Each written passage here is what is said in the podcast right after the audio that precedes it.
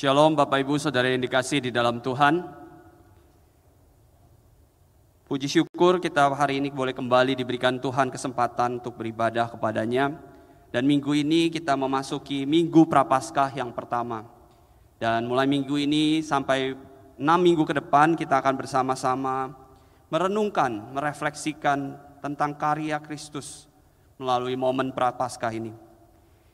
Bila kita mau ingat, ini adalah momen prapaskah yang ketiga yang kita rayakan, kita mempersiapkan diri menyambut Jumat Agung dan Paskah di dalam masa-masa pandemi. Tentu banyak hal yang kita lewati, banyak hal yang kita alami, banyak hal yang berubah dengan begitu drastis di dalam kehidupan kita. Tapi biarlah dalam segala apa pun yang kita lalui semasa pandemi ini ke depan, di tengah situasi yang tidak penuh kepastian, kita boleh bersama-sama merenungkan lebih dalam tentang karya Kristus yang sudah menyelamatkan kita, yang memberikan jaminan pasti akan kehidupan kita. Mari bersama Bapak Ibu Saudara yang dikasih di dalam Tuhan, kita akan mempersiapkan diri menyambut sapaan melalui firman Tuhan. Kita mau bersama-sama berdoa. Tuhan kami mengucap syukur di tengah situasi penuh ketidakpastian seperti ini kami boleh mendapat kesempatan untuk boleh datang beribadah. Kami boleh bersama mendengarkan firman-Mu. Biarlah Engkau bukakan hati setiap kami ya Tuhan, agar kami siap. Hati kami yang penuh kerinduan untuk boleh menerima firman-Mu. Tuhan biarlah roh kudus-Mu yang boleh menolong setiap hati kami, agar kami boleh memahami dan juga boleh melakukannya di dalam kehidupan kami setiap hari. Kau juga berkati untuk hambamu yang akan menyampaikan firman Tuhan. Kiranya Tuhan yang boleh menolong. Agar kiranya setiap perkataan ucapan yang disampaikan. Boleh membawa setiap kami untuk memahami firmanmu yang begitu luas, begitu dalam. Untuk merubahkan hati setiap kami. Terima kasih ya Tuhan, terima kasih. Di dalam nama Tuhan Yesus. Kami menyerahkan pemberitaan firman Tuhan ini. Kami menyerahkan hati seluruh kehidupan kami, tubuh kami untuk mendengarkan firman-Mu. Amin. Bapak Ibu Saudara yang dikasih di dalam Tuhan, saya akan memulai khotbah saya pada hari ini dengan satu kalimat seperti ini. Bahwa mengetahui kebenaran sebagian itu lebih berbahaya daripada tidak tahu sama sekali. Saya akan ulangi, mengetahui sebagian kebenaran lebih berbahaya daripada tidak tahu sama sekali. Ungkapan ini mungkin sering kali diungkapkan, disampaikan, terutama di tengah zaman di mana media informasi begitu maju. Kita hidup di tengah zaman di mana kehidupan kita dibanjiri oleh berbagai macam informasi. Kita hidup di era di mana informasi itu begitu melimpah ruah. Kita bisa mencari informasi apa saja sejauh hanya jangkauan jari kita. Kita bisa mencari apa pun yang ingin kita ketahui. Tetapi banjirnya informasi satu sisi membawa keuntungan buat kita. Kita dapat mengakses banyak informasi dengan begitu mudahnya, tetapi di sisi lain kita juga perlu berhati-hati terhadap banyaknya informasi yang mudah kita dapatkan.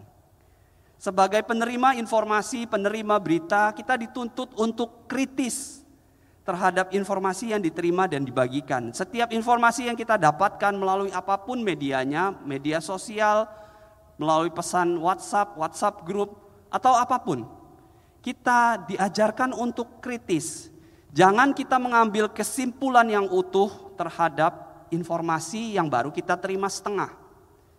Karena kita sering kali begitu, kita mengambil kesimpulan secara utuh dari informasi yang baru kita dapatkan setengah-setengah. Dan juga sebagai seorang yang bisa menyampaikan atau memberikan informasi, kita juga dituntut untuk detail dan paham secara keseluruhan. Jangankan kita jangan kita hanya asal mengirim saja, asal forward. Oh, memang saya tahu beberapa orang mengirimkan kembali informasi dengan tujuan yang baik.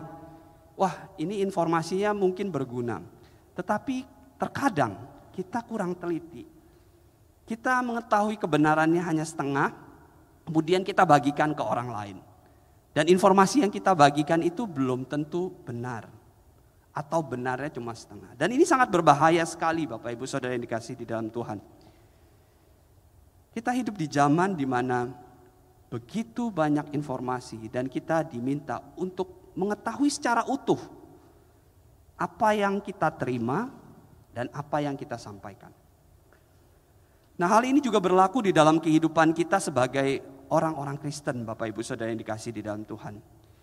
Karena di dalam kekristenan kebenaran akan kekristenan yang kita ketahui setengah-setengah akan sangat berbahaya karena akan membawa kita untuk membuat kita merasa aman, membuat kita merasa cukup dan itu menipu diri kita. Kebenaran akan kekristenan yang kita ketahui setengah-setengah akan sangat berbahaya karena akan menipu kita.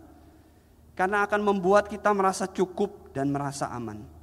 Ketika kita merasa cukup atau merasa aman, kita akan membatasi pengenalan akan Tuhan.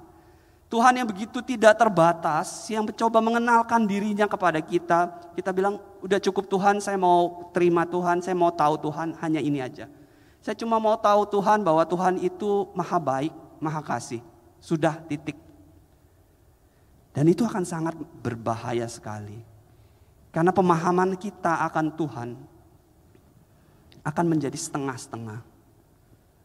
Ya benar, Tuhan yang kita kenal adalah Tuhan yang penuh dengan kasih, ia baik. Tetapi kita lupa bahwa Tuhan yang kita kenal itu juga Tuhan yang adil. Tuhan yang kudus. Untuk itulah kita sebagai orang-orang Kristen kita harus menjadi seperti apa yang pemazmur katakan. Di dalam Mazmur yang dikatakan ia sering mengungkapkan dirinya bahwa jiwaku haus dan rindu akan engkau. Jiwaku haus dan lapar akan engkau. Seharusnya kita sebagai orang-orang Kristen, kita harus menjadi serakah dan tidak pernah puas.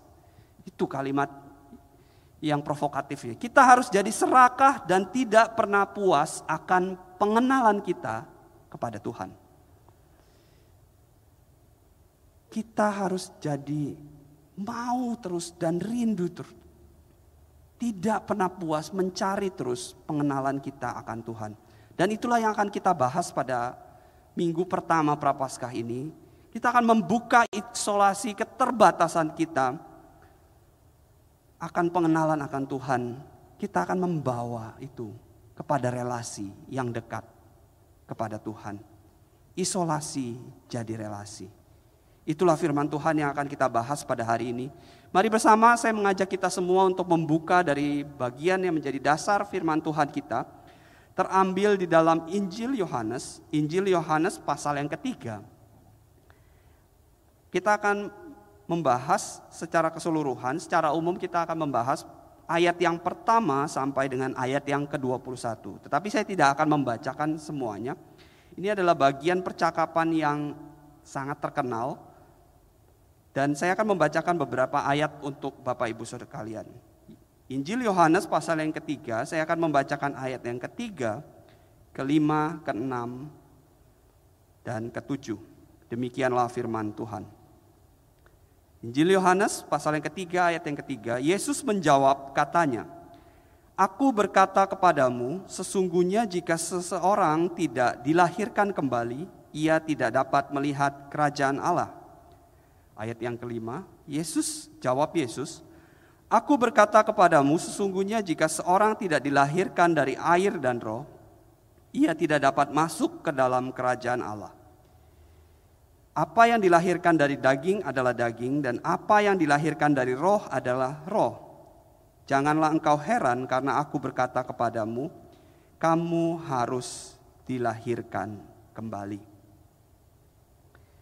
Bapak Ibu Saudara yang dikasih di dalam Tuhan, perikop yang menjadi dasar perenungan firman Tuhan kita pada hari ini merupakan satu bagian di mana ini adalah kelanjutan, kelanjutan dari apa yang sudah dituliskan di perikop-perikop sebelumnya.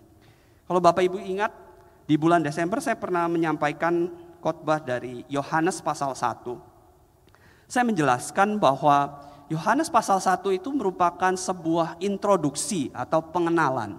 Introduksi akan tokoh utama dari Injil Yohanes yang diceritakan yaitu Yesus Kristus. Setiap Injil itu pasti punya caranya tersendiri untuk memperkenalkan tokoh utamanya yaitu Yesus Kristus. Dan di dalam Injil Yohanes penulis mengenalkan Yesus sebagai se seorang yang sangat tinggi dan agung. Dikatakan ia adalah firman, firman yang menjadi manusia dan firman itu adalah Allah. Itulah yang coba diperkenalkan oleh penulis Injil Yohanes. Dan di bagian-bagian berikutnya kita akan melihat setelah dia memberikan satu klaim bahwa Yesus adalah Allah, ia adalah firman yang menjadi manusia, firman itu adalah Allah, dialah Allah yang sudah ada sebelum dunia ini diciptakan. Kemudian pembuktian-pembuktiannya dapat kita lihat di dalam perikop-perikop selanjutnya. Di pasal kedua dan di pasal berikutnya, setidaknya ketika kita membaca di pasal ketiga, kita mendapati bahwa Yesus itu sudah melakukan sedikitnya dua tanda. Dua tanda-tanda yang menyatakan bahwa dia itu Allah. Dia itu adalah firman yang menjadi manusia. Dari narasi yang sudah disampaikan oleh Injil Yohanes, kita melihat setidaknya dua tanda. Yang pertama, Yesus merubah air menjadi anggur, dan kedua, Yesus menyucikan bait Allah. Nah, tanda-tanda itulah yang diperlihatkan Tuhan Yesus, dan tanda-tanda itulah yang membuat orang-orang banyak melihat. Ketika ada sebuah tanda-tanda atau sesuatu yang spektakuler yang ditunjukkan, tentu timbul respon dari orang-orang yang melihatnya. Nah, setidaknya kita bisa mendapati ada respon-respon yang berbeda. Saya coba melihat bahwa di ayat yang pasal kedua, ayat yang ke-24, ke-23, dikatakan banyak orang dalam namanya mereka melihat tanda-tanda yang diadakan. Banyak orang percaya dalam namanya karena mereka telah melihat tanda-tanda yang diadakan. Ada kelompok orang yang melihat tanda-tanda yang Yesus lakukan dan percaya. Tetapi ada kelompok-kelompok juga yang melihat tanda-tanda yang Yesus lakukan, dia tidak percaya. Tetapi juga ada kelompok yang tengah-tengah, yang dia setengah-setengah percaya. Dan saya meyakini Nikodemus ada di kelompok kedua ini. Di kelompok yang setengah percaya, setengah enggak. Kita akan memperhatikan bersama dari ayat yang pertama. Kita diperkenalkan melalui ayat yang pertama bahwa adalah seorang Farisi yang bernama Nikodemus, seorang pemimpin agama Yahudi. Kita diperkenalkan seorang bernama Nikodemus. Dia adalah seorang Farisi dan pemimpin agama Yahudi seorang Farisi dan seorang pemimpin agama Yahudi. Berarti dari latar belakang yang diperlihatkan, Nikodemus ini memiliki pangkat atau derajat yang cukup baik pada masa itu. Seorang Farisi, seorang yang memiliki latar belakang pengetahuan akan hukum Taurat yang begitu dalam. Bukan hanya itu, dia juga disebutkan sebagai pemimpin agama Yahudi. Pemimpin agama Yahudi adalah orang-orang dari kumpulan orang Farisi yang banyak yang dipilih untuk mewakili orang Farisi di Mahkamah Agung. Jadi dia adalah orang pilihan, bukan sembarang orang. Nah, kalau kita lihat dari latar belakang ini, kemudian kita masuk di ayat yang kedua. Dikatakan ia datang pada waktu malam kepada Yesus dan berkata, ia datang pada waktu malam kepada Yesus dan berkata, kita fokus pada kalimat yang pertama ini. Malam. Banyak penafsiran, ada kelompok-kelompok penafsiran yang mencoba menafsirkan kedatangan, waktu kedatangan Nikodemus tersebut di waktu malam. Penafsiran yang pertama coba menafsirkan begini, bahwa karena dia seorang Farisi, pemimpin agama, punya pangkat yang sangat tinggi, ia itu mencoba menjaga nama baiknya. Jadi ia coba datang di waktu di mana orang-orang tidak banyak melihat. Jadi ia coba datang pada malam hari bertemu Tuhan Yesus. Dengan pangkat yang tinggi bayangkan Bapak Ibu. Gengsi dong seorang pemimpin agama, seorang farisi pengajar kemudian datang belajar kepada seorang yang gak dikenal ini. Ini siapa latar belakangnya siapa ini? tiba-tiba melakukan sesuatu yang spektakuler dan kemudian datang. Ada yang mencoba menafsirkan seperti itu bahwa kedatangannya pada waktu malam adalah untuk menyembunyikan identitasnya supaya orang itu orang lain nggak lihat gitu loh, supaya nggak banyak orang lain lihat dan nggak viral. Wah ini ada pemimpin agama Yahudi datang belajar sama Tuhan Yesus. Dia mencoba menjaga itu. Tetapi saya coba melihat penafsiran kedua dan saya lebih cenderung penafsiran yang kedua. Yang mencoba melihat bahwa penulisan pada waktu malam ini merupakan makna ya harafiah, literal. Yang ditulis ya memang waktu malam, tetapi juga punya makna simbolik, yaitu ia datang malam dilambangkan itu kegelapan, ketidakmengertian. Dan menurut saya ini lebih konsisten dengan penulisan-penulisan di dalam Injil Yohanes. Konsisten dalam penulisan Injil Yohanes ya. Jadi jangan pakai model penafsiran ini di ke semua bagian Alkitab. Jadi ketika kita baca ketemu kata malam, kemudian kita artikan bahwa malam ini ketidakmengertian. Tapi di Injil Yohanes kita akan melihat hal seperti itu. Sering dikontraskan dua keberadaan yang berbeda. Allah dengan dunia, terang dengan gelap untuk mewakili bahwa ada sisi yang terang Allah dan sisi yang gelap dunia ini. Dan saya coba melihat bahwa ketika Nikodemus datang, ia datang di dalam ketidakmengertiannya. Pemahamannya yang cuma setengah. Dan ia datang kepada pribadi yang tepat. Saya coba stop di bagian ini dan mengajak kita untuk berefleksi Bapak Ibu Saudara yang dikasih di dalam Tuhan. Seorang Farisi, seorang pemimpin agama Yahudi yang punya latar belakang pendidikan, pengetahuan akan hukum Taurat, punya jabatan yang tinggi. Dan kemudian ia melihat tanda-tanda yang sepertinya yang dilakukan Tuhan Yesus ini adalah perwujudan dari nubuatan yang disampaikan oleh nabi-nabi. Dan dia masih belum paham sepenuhnya dan dia datang kepada Tuhan Yesus. Bapak Ibu Saudara yang dikasih di dalam Tuhan, sebagai orang Kristen, apakah kita punya kerinduan seperti itu untuk mengerti Tuhan lebih jauh? Ketika saya mempersiapkan bagian ini, dan kemudian saya sampai kepada kalimat ini. Saya coba merenungkan. Sebagai orang Kristen, apakah kita punya kerinduan sebesar ini untuk mau datang kepada Tuhan di dalam tidak mengertian kita?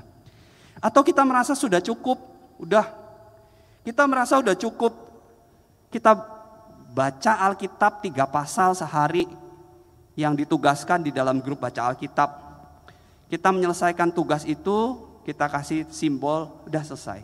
Cukup. Atau kita merasa sudah cukup dengarkan renungan audio yang dikirimkan setiap pagi oleh tim hamba Tuhan. Atau kita merasa sudah cukup baca renungan perspektif yang dibagikan atau renungan-renungan apa pun. Kita udah cukup ke gereja seminggu sekali dengarkan khotbah, udah cukup.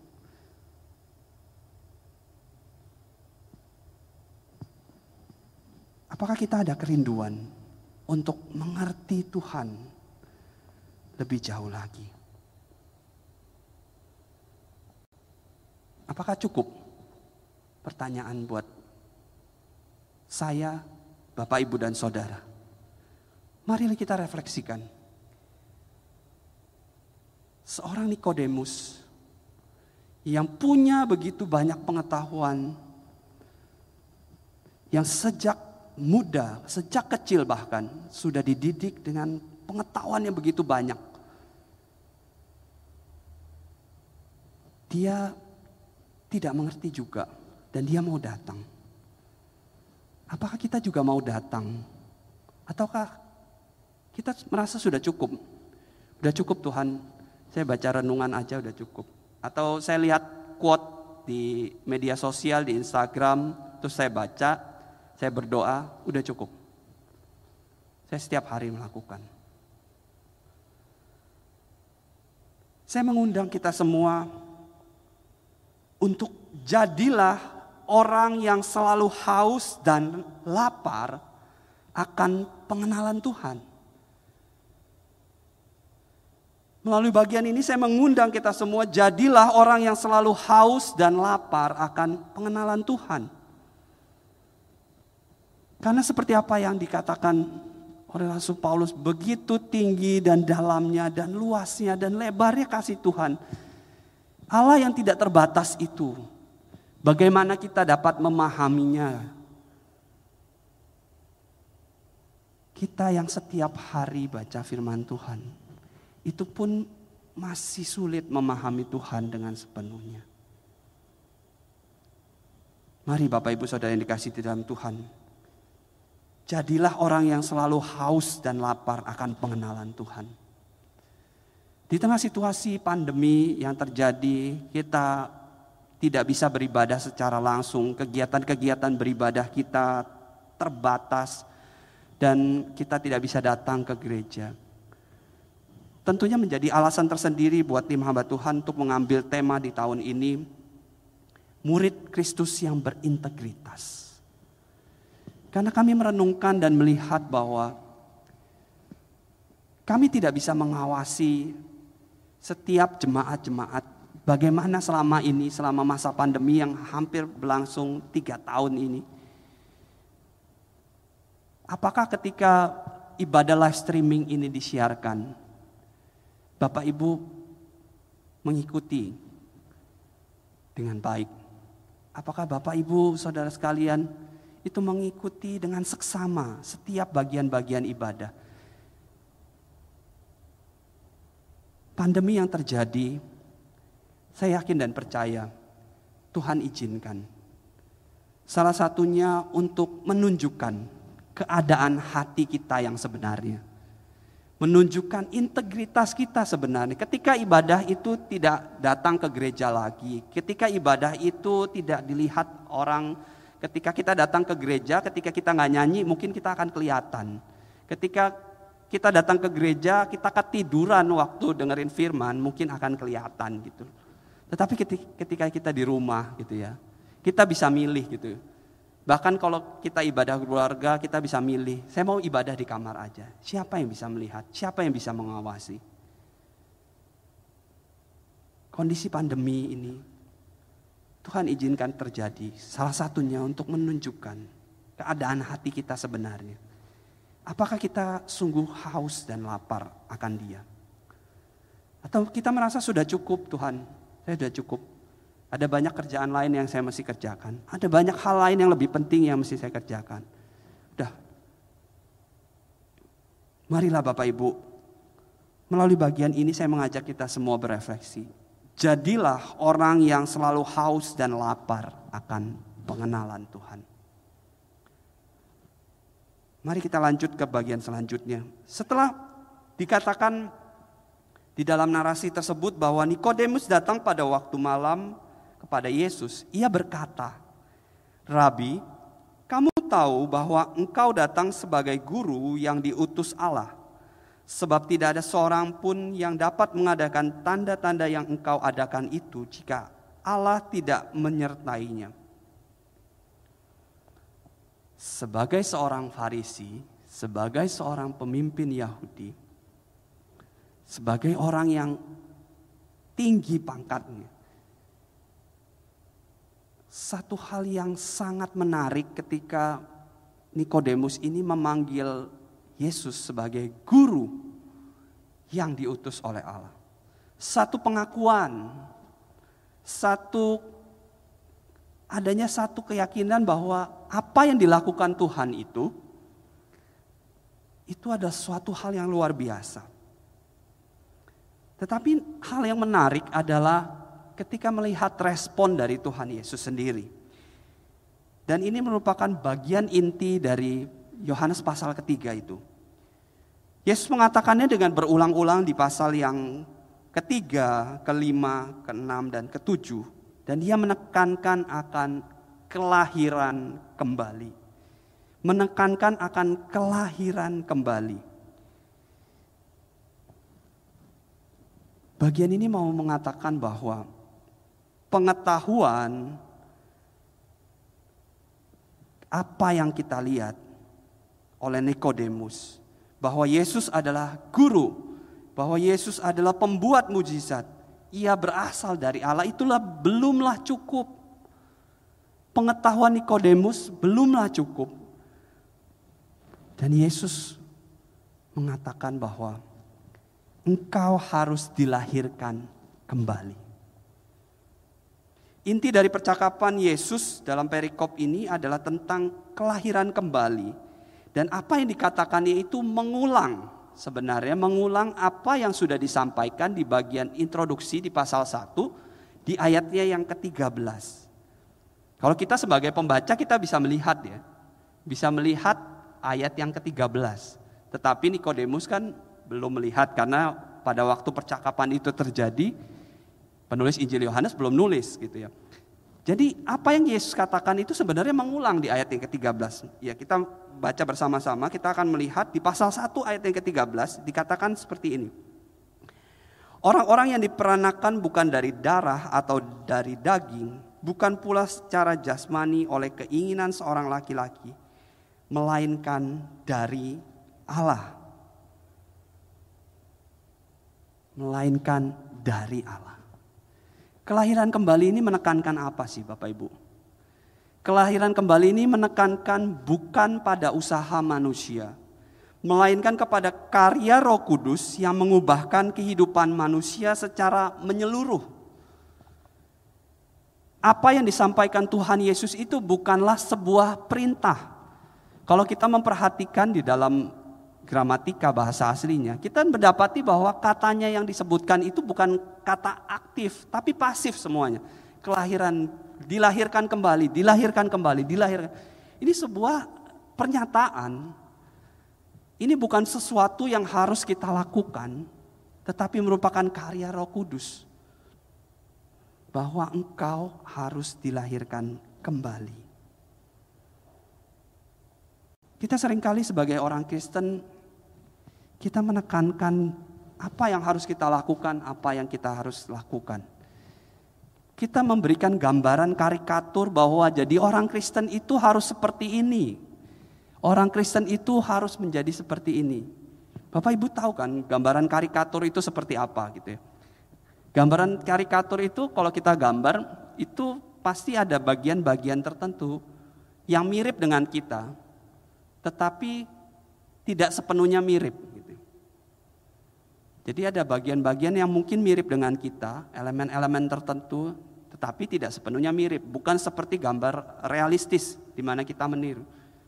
Dan itulah sering kali kita memberikan gambaran kepada orang Kristen. Oh, orang Kristen itu berarti dia harus memakai aksesoris Kristen. Orang Kristen itu harus di profil media sosialnya ada ayat Alkitabnya. Story-storynya harus kutipan-kutipan ayat Alkitab.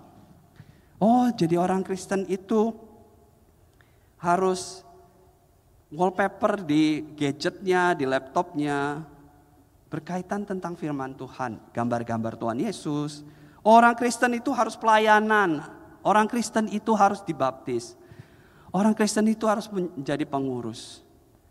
Saya bilang bukan hal tersebut salah.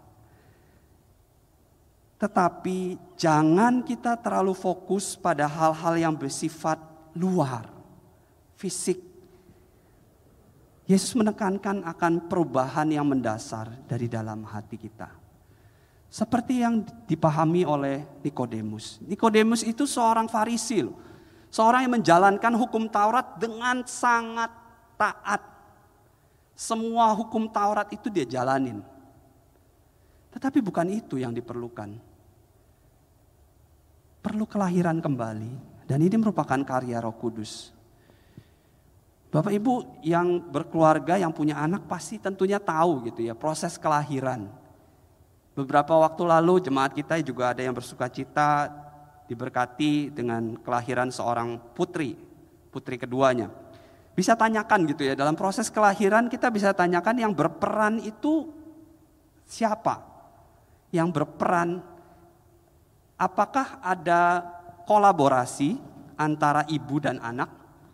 yang akan dilahirkan? Enggak kan? Itu merupakan peran tunggal gitu. Di mana ibu yang melahirkan tidak ada kontribusi sama sekali. Begitu juga ketika Yesus mengatakan engkau harus dilahirkan kembali. Ini merupakan karya Roh Kudus. Ketika kita dilahirkan, baru Tuhan melibatkan kita di dalam pertumbuhannya.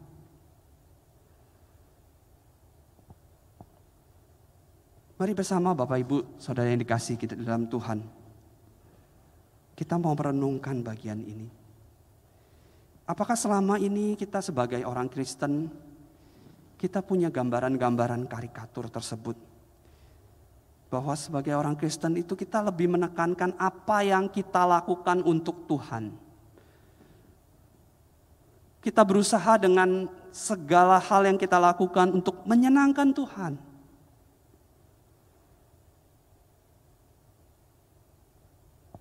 kita seharusnya dibuat terkagum dan tercengang oleh apa yang Tuhan lakukan kepada setiap kita.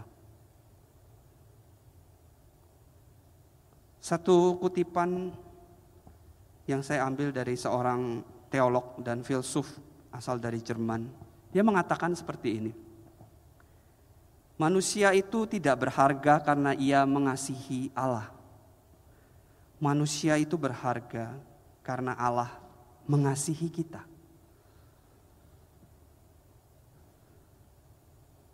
Bagian ini tentu selaras dengan ayat yang sangat terkenal di pasal ketiga.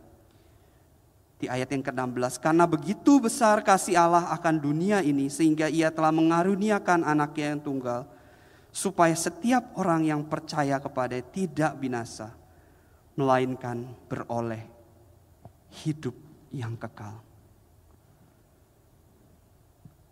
Anugerah Allah membuat kita menjadi berharga di matanya. Marilah Bapak Ibu Saudara yang dikasih di dalam Tuhan.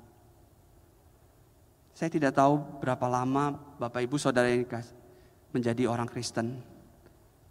Tapi saya mengajak kita semua untuk memeriksa hati kita. Apakah selama ini kita menjadi orang Kristen adalah orang Kristen yang hanya menampilkan penampilan luar. Apa yang kita lakukan untuk Tuhan. Bukan kita memikirkan sesungguhnya. Kenapa Tuhan itu mati buat kita.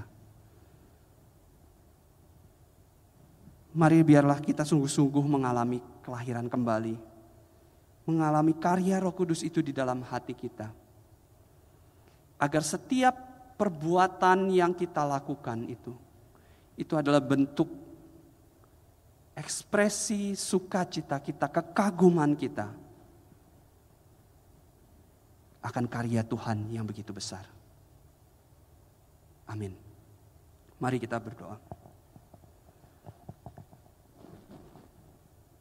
Tuhan kami mengucap syukur firman-Mu yang boleh membawa setiap kami untuk boleh mengalami pengenalan akan karyamu yang begitu besar. Engkau datang ke dunia ini menderita dan mati buat kami. Menjadikan kami manusia yang berdosa ini berharga di matamu. Tuhan biarlah kami boleh menyadari akan kerapuhan kami, kelemahan kami, keberdosaan kami ya Tuhan. Untuk menerima karya roh kudusmu yang begitu besar.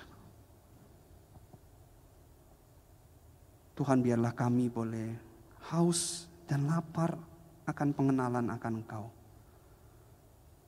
Mencari Engkau setiap hari. Menjadi serakah akan pengenalan kepada Engkau ya Tuhan. Biarlah di tengah situasi pandemi kami boleh merenungkan masa prapaskah ini, merenungkan karya salibmu untuk boleh membawa kami semakin mengenal Engkau ya Tuhan. Terima kasih ya Tuhan, terima kasih. Di dalam nama Tuhan Yesus kami telah berdoa dan mengucap syukur. Amin.